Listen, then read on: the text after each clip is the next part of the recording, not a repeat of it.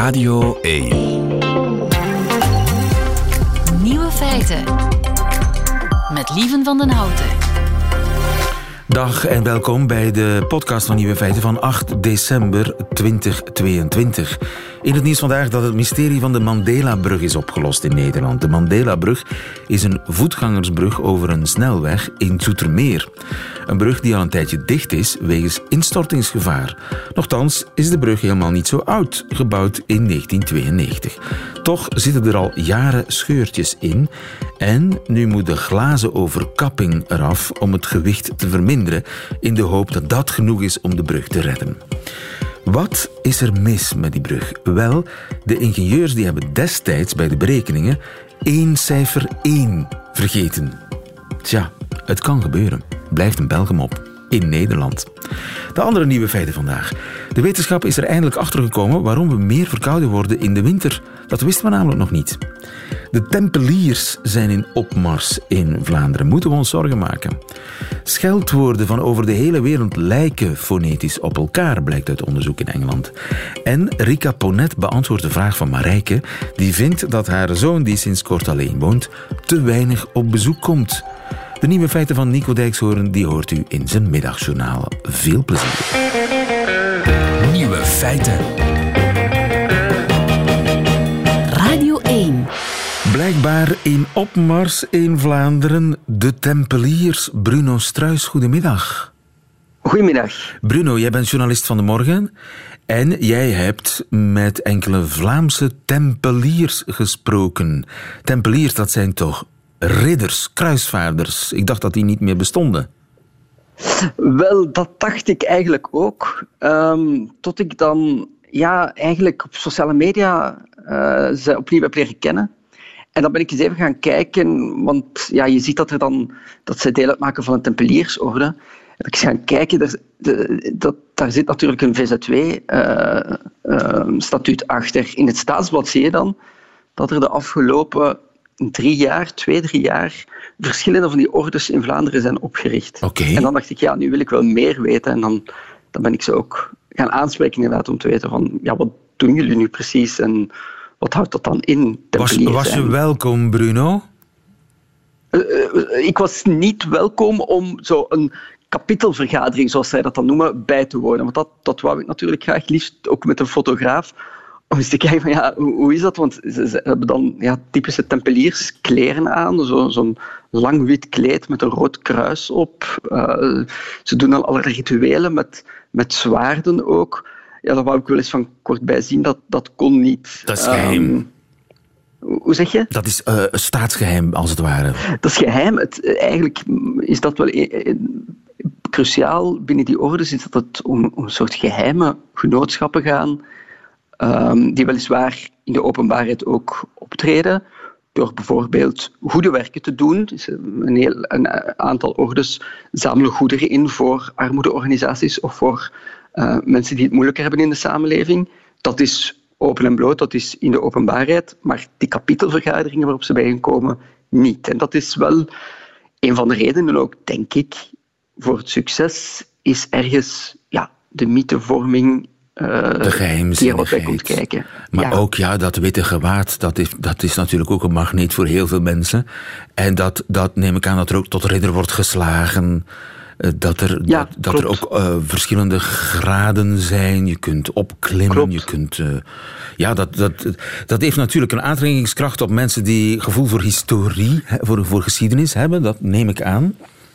Zeker, ja. Zo, daar zijn er zeker bij die toch het ook wel echt als een opdracht zien om de geschiedenis van de Tempeliers uh, breder bekend te maken, om dat uit te diepen. Wat is er toen allemaal precies gebeurd? Want uh, strikt genomen zijn ze in, in 1314 volledig ontbonden, de Tempeliersorde. Dat was een officiële orde van monniken, ridders, die door de Franse koning van ketterij werden beschuldigd. Um, en op de brandstapel zijn geëindigd. Ja. Wie niet op de brandstapel eindigde, ja, is moeten uittreden, want die orde werd dan ook door de kerk niet meer erkend eigenlijk. Dus officieel ontbonden in de 14e eeuw, maar uh, ze bestaan uh, en, en er komen er alsmaar meer bij. Heb je daar een verklaring voor dat er de voorbije jaren bijna een soort ja, hype, zal ik niet zeggen, maar toch een toename? Dat is toch bizar?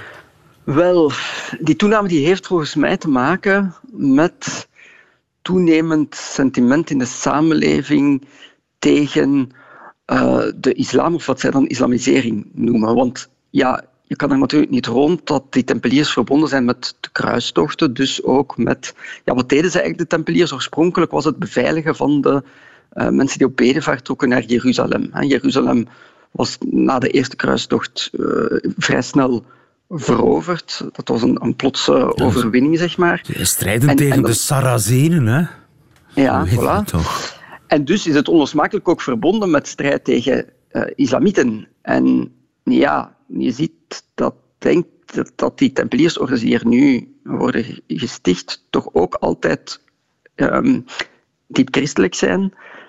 En de waarden die zij verkondigen zijn, we moeten de christelijke beschaving beschermen. En beschermen, ja, waartegen dan? Ja, tegen dan wat zij noemen de oprukkende islam in onze samenleving. Um, voor sommigen gaat het ook over de witte christelijke uh, cultuur hier bij ons ja. beschermen.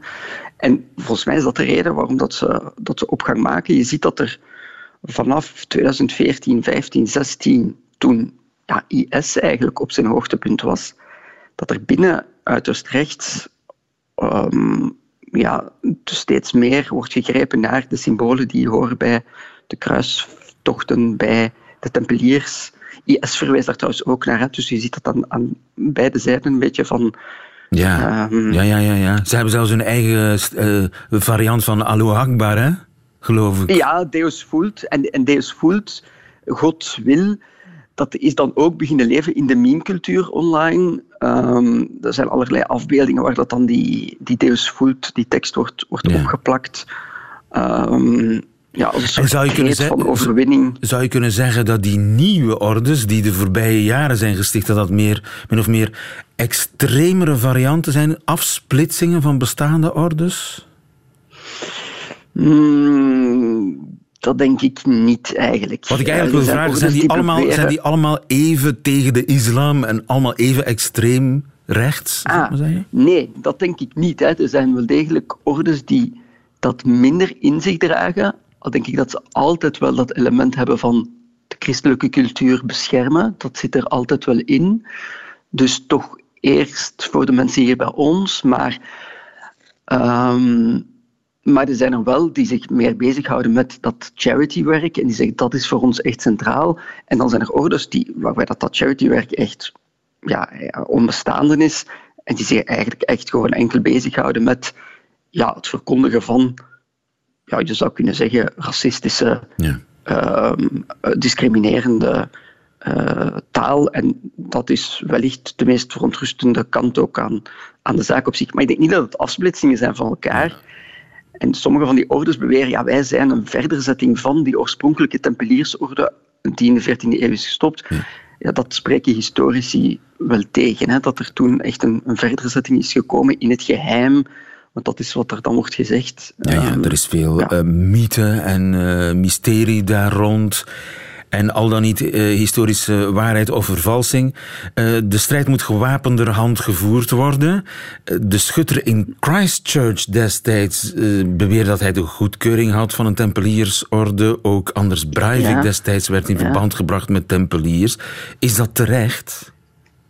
Nee, nee dat, is, dat, is, dat is eigenlijk uh, kwats gebleken.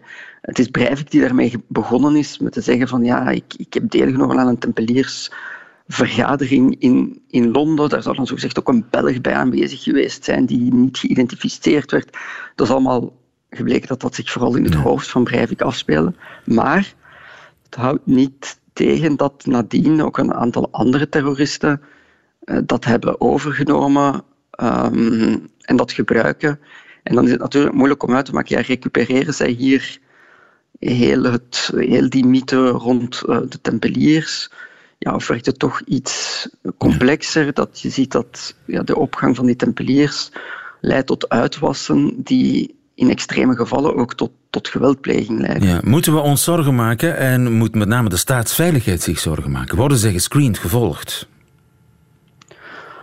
Um, ik denk dat de staatsveiligheid moet natuurlijk naar, naar heel veel dingen, zich over veel dingen zorgen maken, dus ze moeten daar ook wat selectief in zijn. Ik denk dat zij groepen volgen waarbij dat ze het vermoeden hebben dat die mogelijk uh, met geweld en met wapens bezig zijn.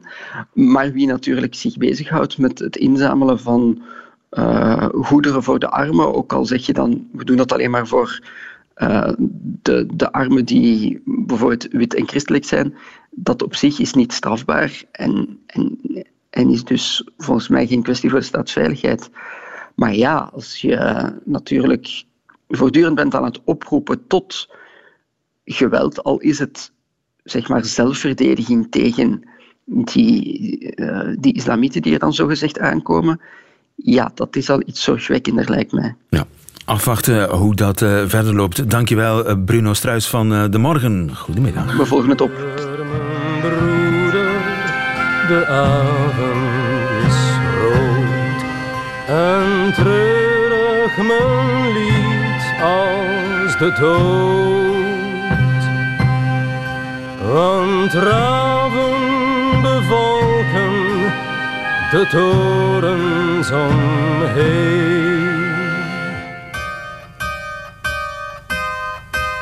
Een man zonder zwaard is alleen. Ja, een man zonder zwaard is alleen. Als u weet uit welk feuilleton dit komt, dan bent u heel erg oud. Ridder Romantiek, het zwaard van Ardoin. Vraag het aan Rika.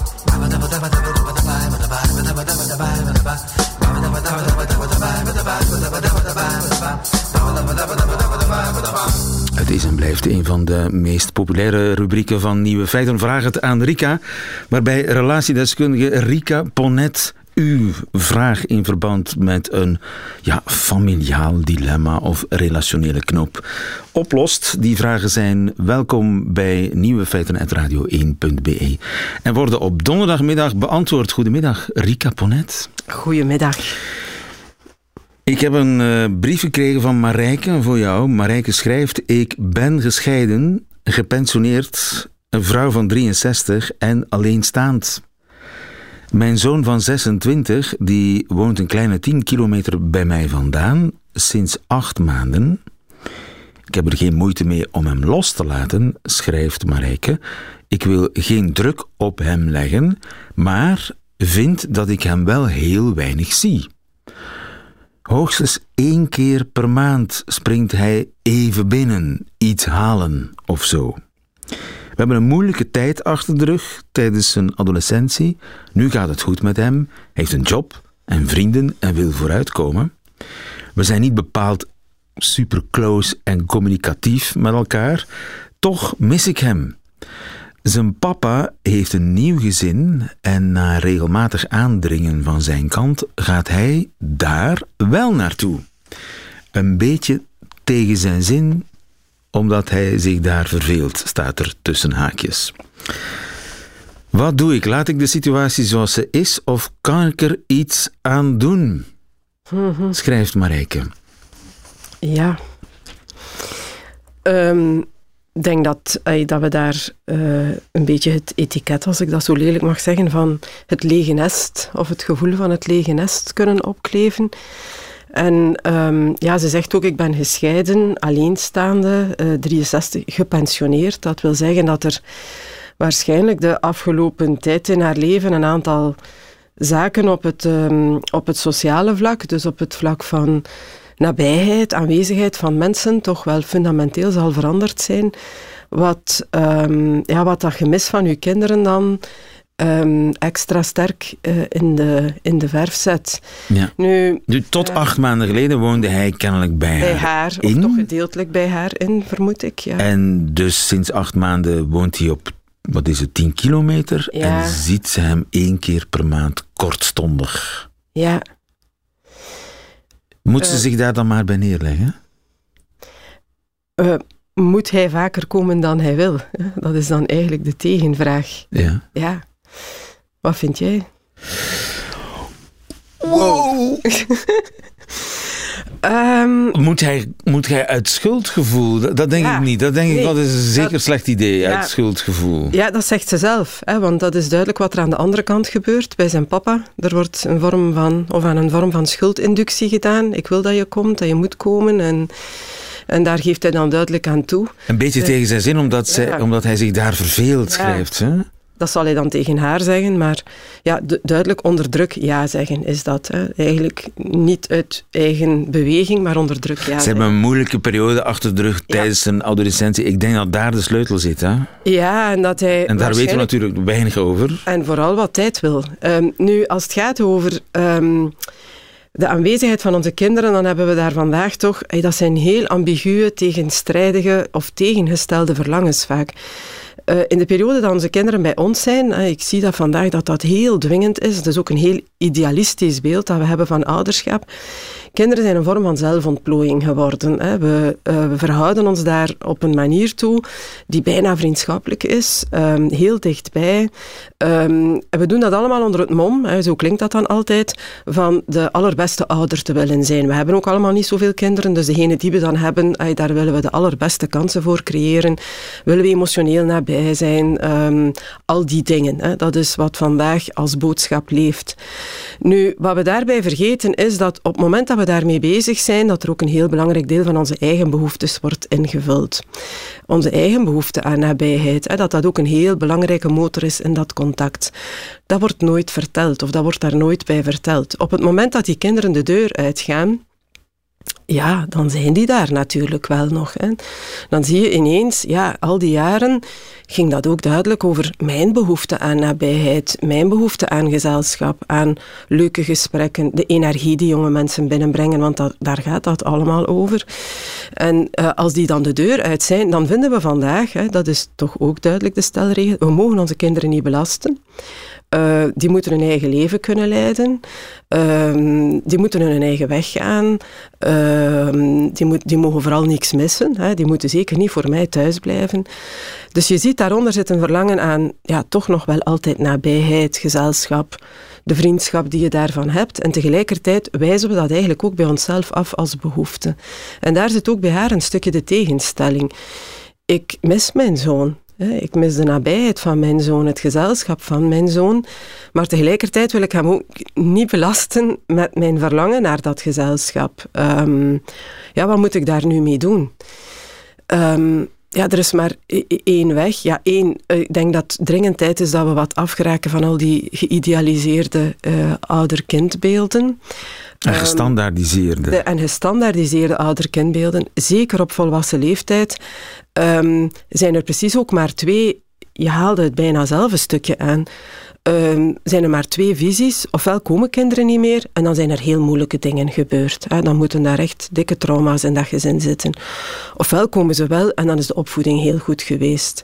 Er is ook iets wat daartussenin zit. Soms hebben kinderen ook periodes nodig waarin ze, om zichzelf te vinden, hun weg te vinden, wat afstand nemen van ouders, zonder dat daarom grote conflicten uh, aanwezig zijn of dat dat een teken van de grootste vervreemding of afwijzing is, maar gewoon omdat dat kind op dat moment die tijd nodig heeft voor zichzelf, met andere dingen bezig is. Want vandaag zijn het ook allemaal heel drukke levens.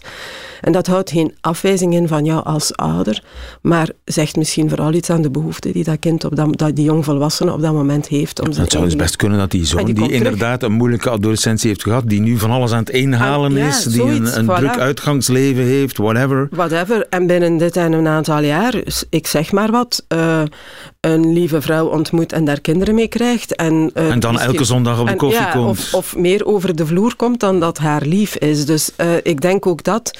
Laat ons, dus ja. haar, wat zij moet doen is vrienden zoeken. Ja, absoluut. Dat wou ik ook zeggen. Er is een grote behoefte duidelijk bij haar aan meer gezelschap. Hoe kan je dat op een andere manier invullen dan ja, het alleen bij die, het gezelschap van die zoon uh, te leggen.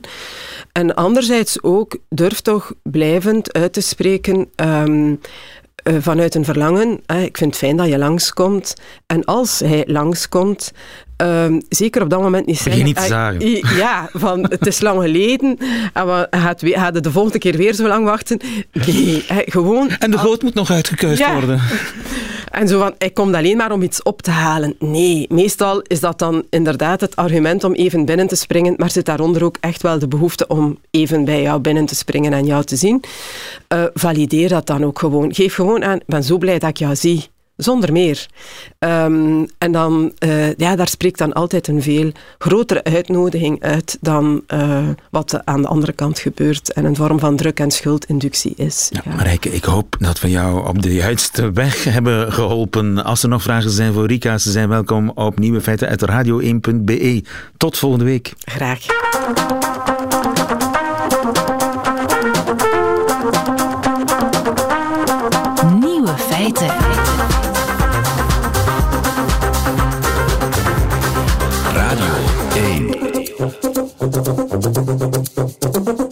Eindelijk is de wetenschap erachter gekomen waarom u elke winter een verkoudheid krijgt. Bart Lambrecht, goedemiddag.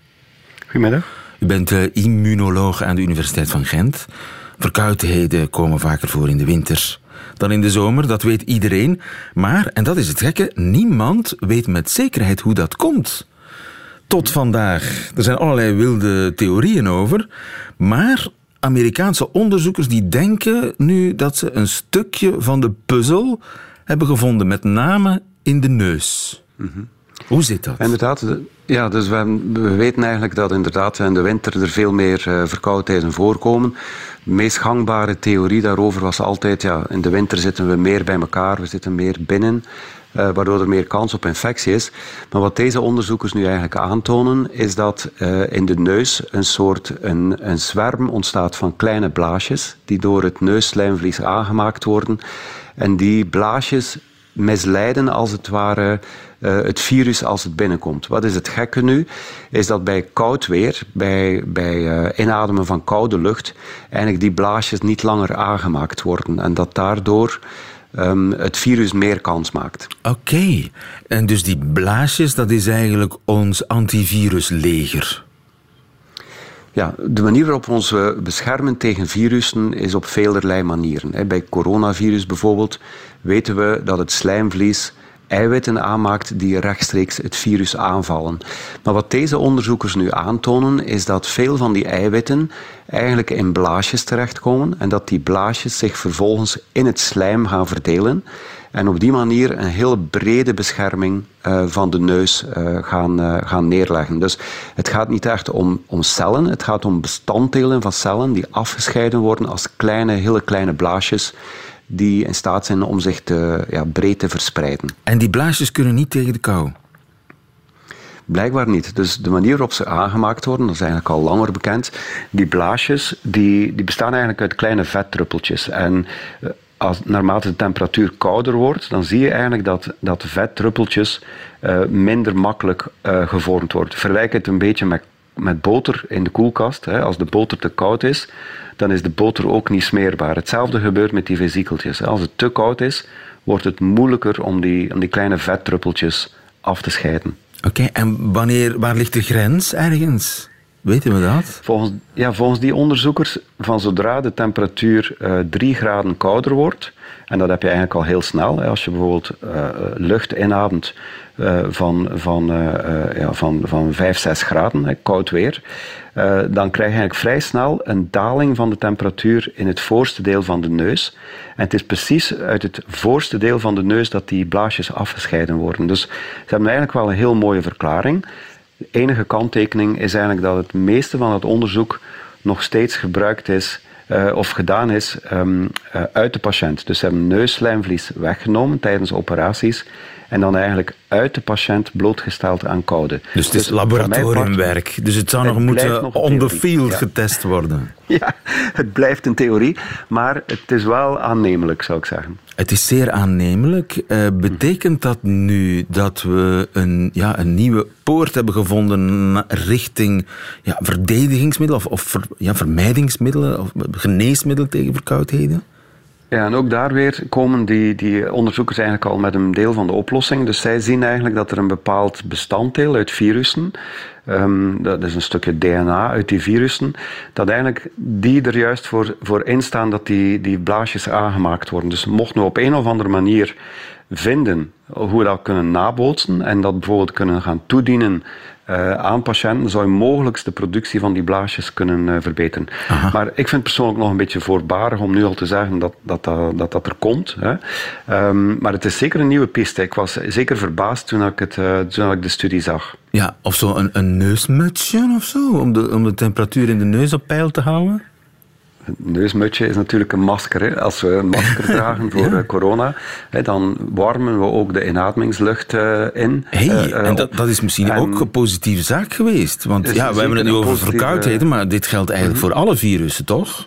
Ja, en de onderzoekers tonen ook aan dat bijvoorbeeld het coronavirus uh, ook af, afgeblokt wordt door, door die blaasjes. Dus Uiteraard, het dragen van een masker zorgt ervoor dat de virussen niet binnenkomen, maar mogelijk heb je als extra effect dat ook de inademingslucht warmer wordt, waardoor ook het uh, slijmvlies beter in staat is om die blaasjes aan te maken. Hou de lucht in uw neus warm, want uh, dat maakt die blaasjes uh, effectiever. Die blaasjes die nodig zijn om te strijden tegen binnendringers zijn de virussen. Bart Lambrecht, dankjewel. Goedemiddag. Goedemorgen, morgen. Goeiedag. Goedemorgen, goedemorgen. Blij dat ik je weer vanmorgen zag. Goedemorgen, goedemorgen, goed. Foei, foei, foei, Nicole en Hugo. Al meer dan 50 jaar zijn ze, weliswaar zonder het te beseffen, in het Russisch aan het vloeken. En daardoor zijn ze nu ook hot in Oekraïne. Want goei in het Russisch is dat fuck, lul, kloten.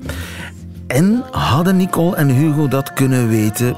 Misschien wel, want zo blijkt nu uit onderzoek, scheldwoorden die klinken in alle talen ongeveer gelijkaardig. Mark van Oostendorp, goedemiddag. Ja, goedemiddag. Mark van Oostendorp, zo, ja. mijn favoriete taalkundige fonoloog ook. Dus jij zit aan de bron, zeg maar. In Londen is onderzocht of scheldwoorden wereldwijd fonetisch op elkaar lijken. Wat blijkt uit ja. dat onderzoek? Nou, dus het blijkt dat dat zo is. Dus als je gaat tellen, gewoon, ze hebben mensen gevraagd: wat vind je nou de allerergste woorden in jouw taal? En als je dat gaat tellen, dan komen er bepaalde klanken heel veel voor. En wat nog sterker is, als je dan vervolgens uh, scheldwoorden voorlegt en andere woorden aan mensen die die taal helemaal niet kennen, dan pikken ze ook nog met een zekere kans de goede keuze. Maken ze ook nog een keer de goede keuze. Dus dan kiezen ze de scheldwoorden eruit. Dus je kunt ook in vreemde talen in ieder geval een beetje horen of iets een scheldwoord is of niet. Bepaalde klanken komen dus niet voor in scheldwoorden. Ze zijn ongeschikt voor scheldwoorden. Ja, dus en dat is voor alle talen is dat hetzelfde. En het zijn klanken zoals een r en een l. En die hebben ook in het Nederlands eigenlijk een heel toepasselijke naam. Die heet in het Nederlands vloeiklanken. vloeiklanken. Dus dat soort vloeiende klanken, die komen bijna niet voor in scheldwoorden, wordt er dan gezegd. Ja, je kunt ze heel lang aanhouden. Ja, ze vloeien als het ware je mond uit. Het is een soort beeldspraak die dus voor het Nederlands al honderden jaren geleden is bedacht. En die dus heel goed lijkt te passen. En de andere twee klanken die het ook heel goed doen, die heten dan glijklanken. Ook al een heel toepasselijke naam, namelijk de je en de we. Die allebei een soort van bijna klinkers zijn. Dus een je is een soort heel kort i'tje. En de we is bijna een u-achtige klank. Nou, het zijn dus klinkers, het zijn medeklinkers die eigenlijk heel erg op klinkers lijken. En die zijn uiterst geschikt voor slaapliedjes. Die zijn heel geschikt voor slaapliedjes. En ja, misschien wel daardoor. Dus het omgekeerde van een slaapliedje is misschien wel een scheldwoord. Hè? Dus daar schrik je van wakker. Dat moet je eh, echt doen. Uh, je de haren te bergen doen uh, reizen. daarvoor zijn ze dus niet zo geschikt. En wat daarvoor dan wel geschikt is, dat zijn klanken zoals k en p en t. En die heten plofklanken. En dat zijn ook letterlijk plofjes die je maakt. Dus als ik een p maak, dan doe ik mijn lippen dicht. Ik laat de lucht in mijn mond stromen. En dan doe ik mijn lippen weer open. En dan komen ze dus met een plofje naar buiten. En het is dat plofje dat je hoort als ik de p zeg. Nou, die plofjes, ja, die, die, die, die knetteren, hè, je zegt ook knetterende vloeken. Nou, zo'n knetterend geluid van een vloek, die maak je dus onder andere het liefst met dat soort plofjes en niet met die vloeiende en glijende klanken van de l of de r of de je of de we. Ja, ja. Wat is jouw favoriete scheldwoord, Mark? Eerlijk zeggen, wat zeg je? Eh, ja, nou ja, eerlijk gezegd ben ik echt heel, ik ben heel, Je bent ik heel ben beleefd, keurig. tuurlijk. Dus ik durf ieder scheldwoord te zeggen, maar om dat te zeggen mijn favoriete eh, scheldwoord. Maar kijk, als je dus Tyfus, hele kanker, nare scheldwoorden kloten. neemt, Ja? Hè, dus, en daar hebben ze in dat onderzoek naar gevraagd. Eh, dan, dan gaat het over kut en kanker en pokken en pest. Nou, dat zijn dus precies allemaal van die eh, scheldwoorden die beginnen met een K of een P of tering. Die beginnen met een T. Hè. Dat, Ja. dus, het, de, voor het Nederlands, ze hebben het Nederlands niet onderzocht. En voor het Nederlands lijkt het ook wel aardig te kloppen. ja. Mijn, mijn favoriete scheldwoord is chief. Ja, kijk. Chief, maar weet je wat dat betekent? Nee, ik weet niet wat het betekent, maar het klinkt wel heel erg. Het heeft eigenlijk oorspronkelijk een politieke betekenis. Ja, het is eigenlijk iemand, een aanhanger van de Christen-Democratische Partij. Maar zo bedoel ik het niet. Ik heb, ik heb, nee, voor alle duidelijkheid, zo bedoel ik het niet, beste Christen-Democraten. Ik bedoel het als iemand die ja, ehm, met de wind meedraait. eh, eh, een twee Ja, ja. gezichten heeft, eh, dubbelhartig Ja. is. Ja, ja, dat is. In de uitgebreide betekenis is dat. En daar heb je die tsch, dat is ook een... ehm, ja, dat, dat explodeert ook, hè? Ja, nee, precies. Dus dat, de, de, ook dat is zo'n soort plofklank met een soort extra draadje eraan, die je dan tot een tje eh, maakt. Ik heb wel ja, één probleem, Mark, want je zegt le, dat is zo'n glijdende klank. Ja. Lul, dat zijn twee. En, eh, sorry dat ik nu even lelijke woorden gebruik, mijn Ja. excuses eh, voor de ge- gevoelige zinnen. Ja, ook mijn excuses voor wat ik daar net allemaal het, heb het moet uitgekraamd. nu eenmaal, want dat is het Ja. onderwerp. Dat, dan, dat is een uitzondering dan. dan. Dat klopt dan niet. Nee, maar dat, dus daar houden die onderzoekers ook rekening mee hoor. Dus het is, een, het is, een het is statistiek. Hè? Dus in, in, in, eigenlijk in alle woorden heb je ook wel uitzonderingen. Dus het geldt echt niet voor alle woorden. Maar eh, eh, het- kijk, want er zijn natuurlijk allerlei andere factoren. Hè? Je hebt ook omgekeerd allerlei woorden die met een P of een K beginnen, die heel lieflijk zijn. Dus eh, ja, pony, daar zal niemand mee gaan schelden. Ook al begint het met zo'n lekkere P, want een pony is gewoon een lief pony dier. wel een leuk scheldwoord, moet ik zeggen. Pony. Maar goed. Pony! Nee, dus, dus, maar dat doen mensen dus niet. Omdat, ja, dus er zijn allerlei andere factoren ook. En dis, die klanken is één factor bij scheldwoorden. En, eh, maar echt niet alleen maar eh, de enige. En zo kan het dus gebeuren dat op een soort historische manier uiteindelijk ook woorden die alleen maar v- vloeiklanken hebben. Eh, toch winnen. Zoals in dit onderzoek hadden ze het Frans onderzocht. En het Frans is eigenlijk als taal als geheel een soort uitzondering Oh ja? op deze. Nou ja, merde. Merde. Ja, inderdaad, Ja. Dat, dat is absoluut niet... eh, dat ontploft op geen enkele manier. Nee, nee, nee, nee, precies. Dus dat, ja, dat, dat kan zelfs, het kan dus zelfs een taal als geheel kan dus eh, een uitzondering eh, gaan vormen. En als we dan Maar als je dat- alle talen bij elkaar neemt en dan zoveel mogelijk en dan ook vooral echt heel erge woorden bij elkaar neemt, dan kom je op dit soort klanken uit. Ja, en dan is het toch merkwaardig dat wereldwijd, universeel, alle talen min of meer klanken delen voor bepaalde gevoelens. En als je dan terugkeert naar dat Russische, dat groei voor, eh, ja, fuck, lul, kloten, wat het ook mogen betekenen, daar zit die g in, hè? Ja, en ik denk dat eh, eigenlijk is dat een andere dimensie dat, die, dan die zij hebben onderzocht. Maar die is ook wel van belang. Dus zij hebben onderzocht hoe maak je die klanken. Dus met een plofje, of dus vloeiend of glijend. Maar je hebt ook nog de dimensie van waar in je mond maak je het. Dus meer voor in je mond, zoals de p. Of meer achter in de mond, zoals de k. En ook daarvan weten we dat ook daarvoor weer universeel geldt. Dat mensen klanken meer achter in de mond vaak lelijker vinden dan klanken voor in de mond.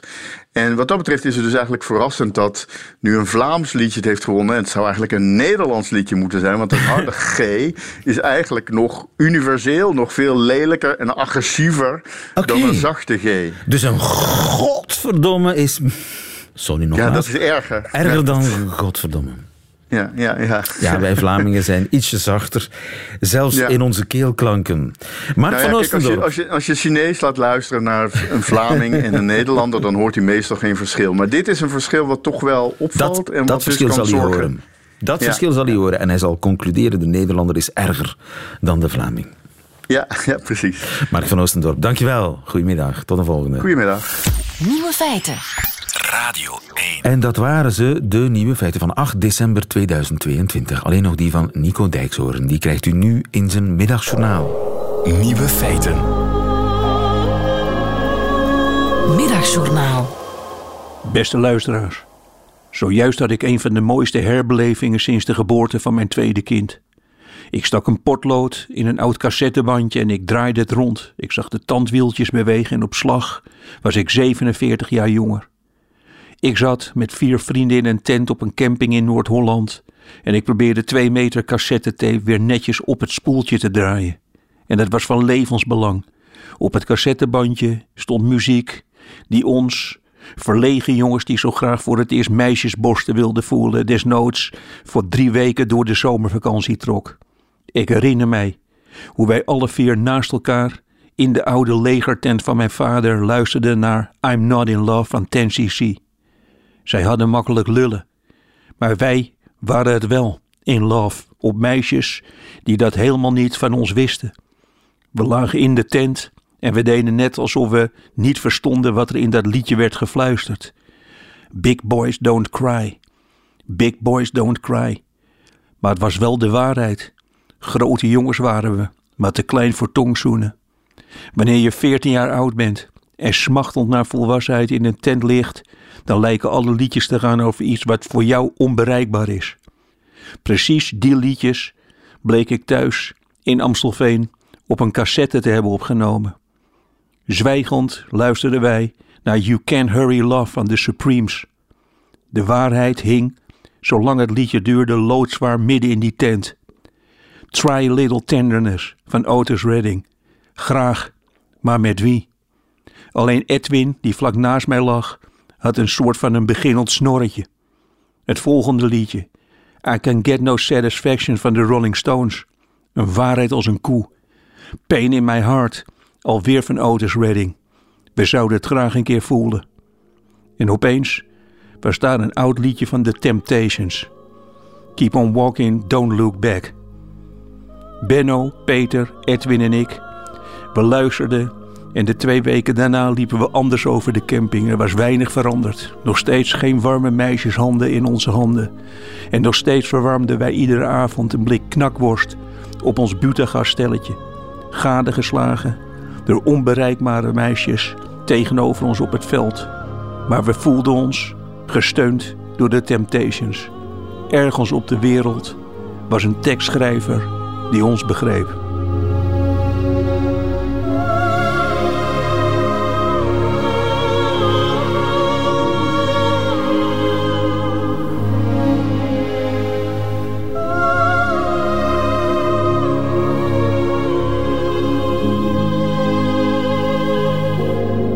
Middagjournaal met Nico Dijkshoorn. Einde van deze podcast. Hoort u liever de volledige nieuwe feiten met de muziek erbij. Dat kan natuurlijk live op de radio.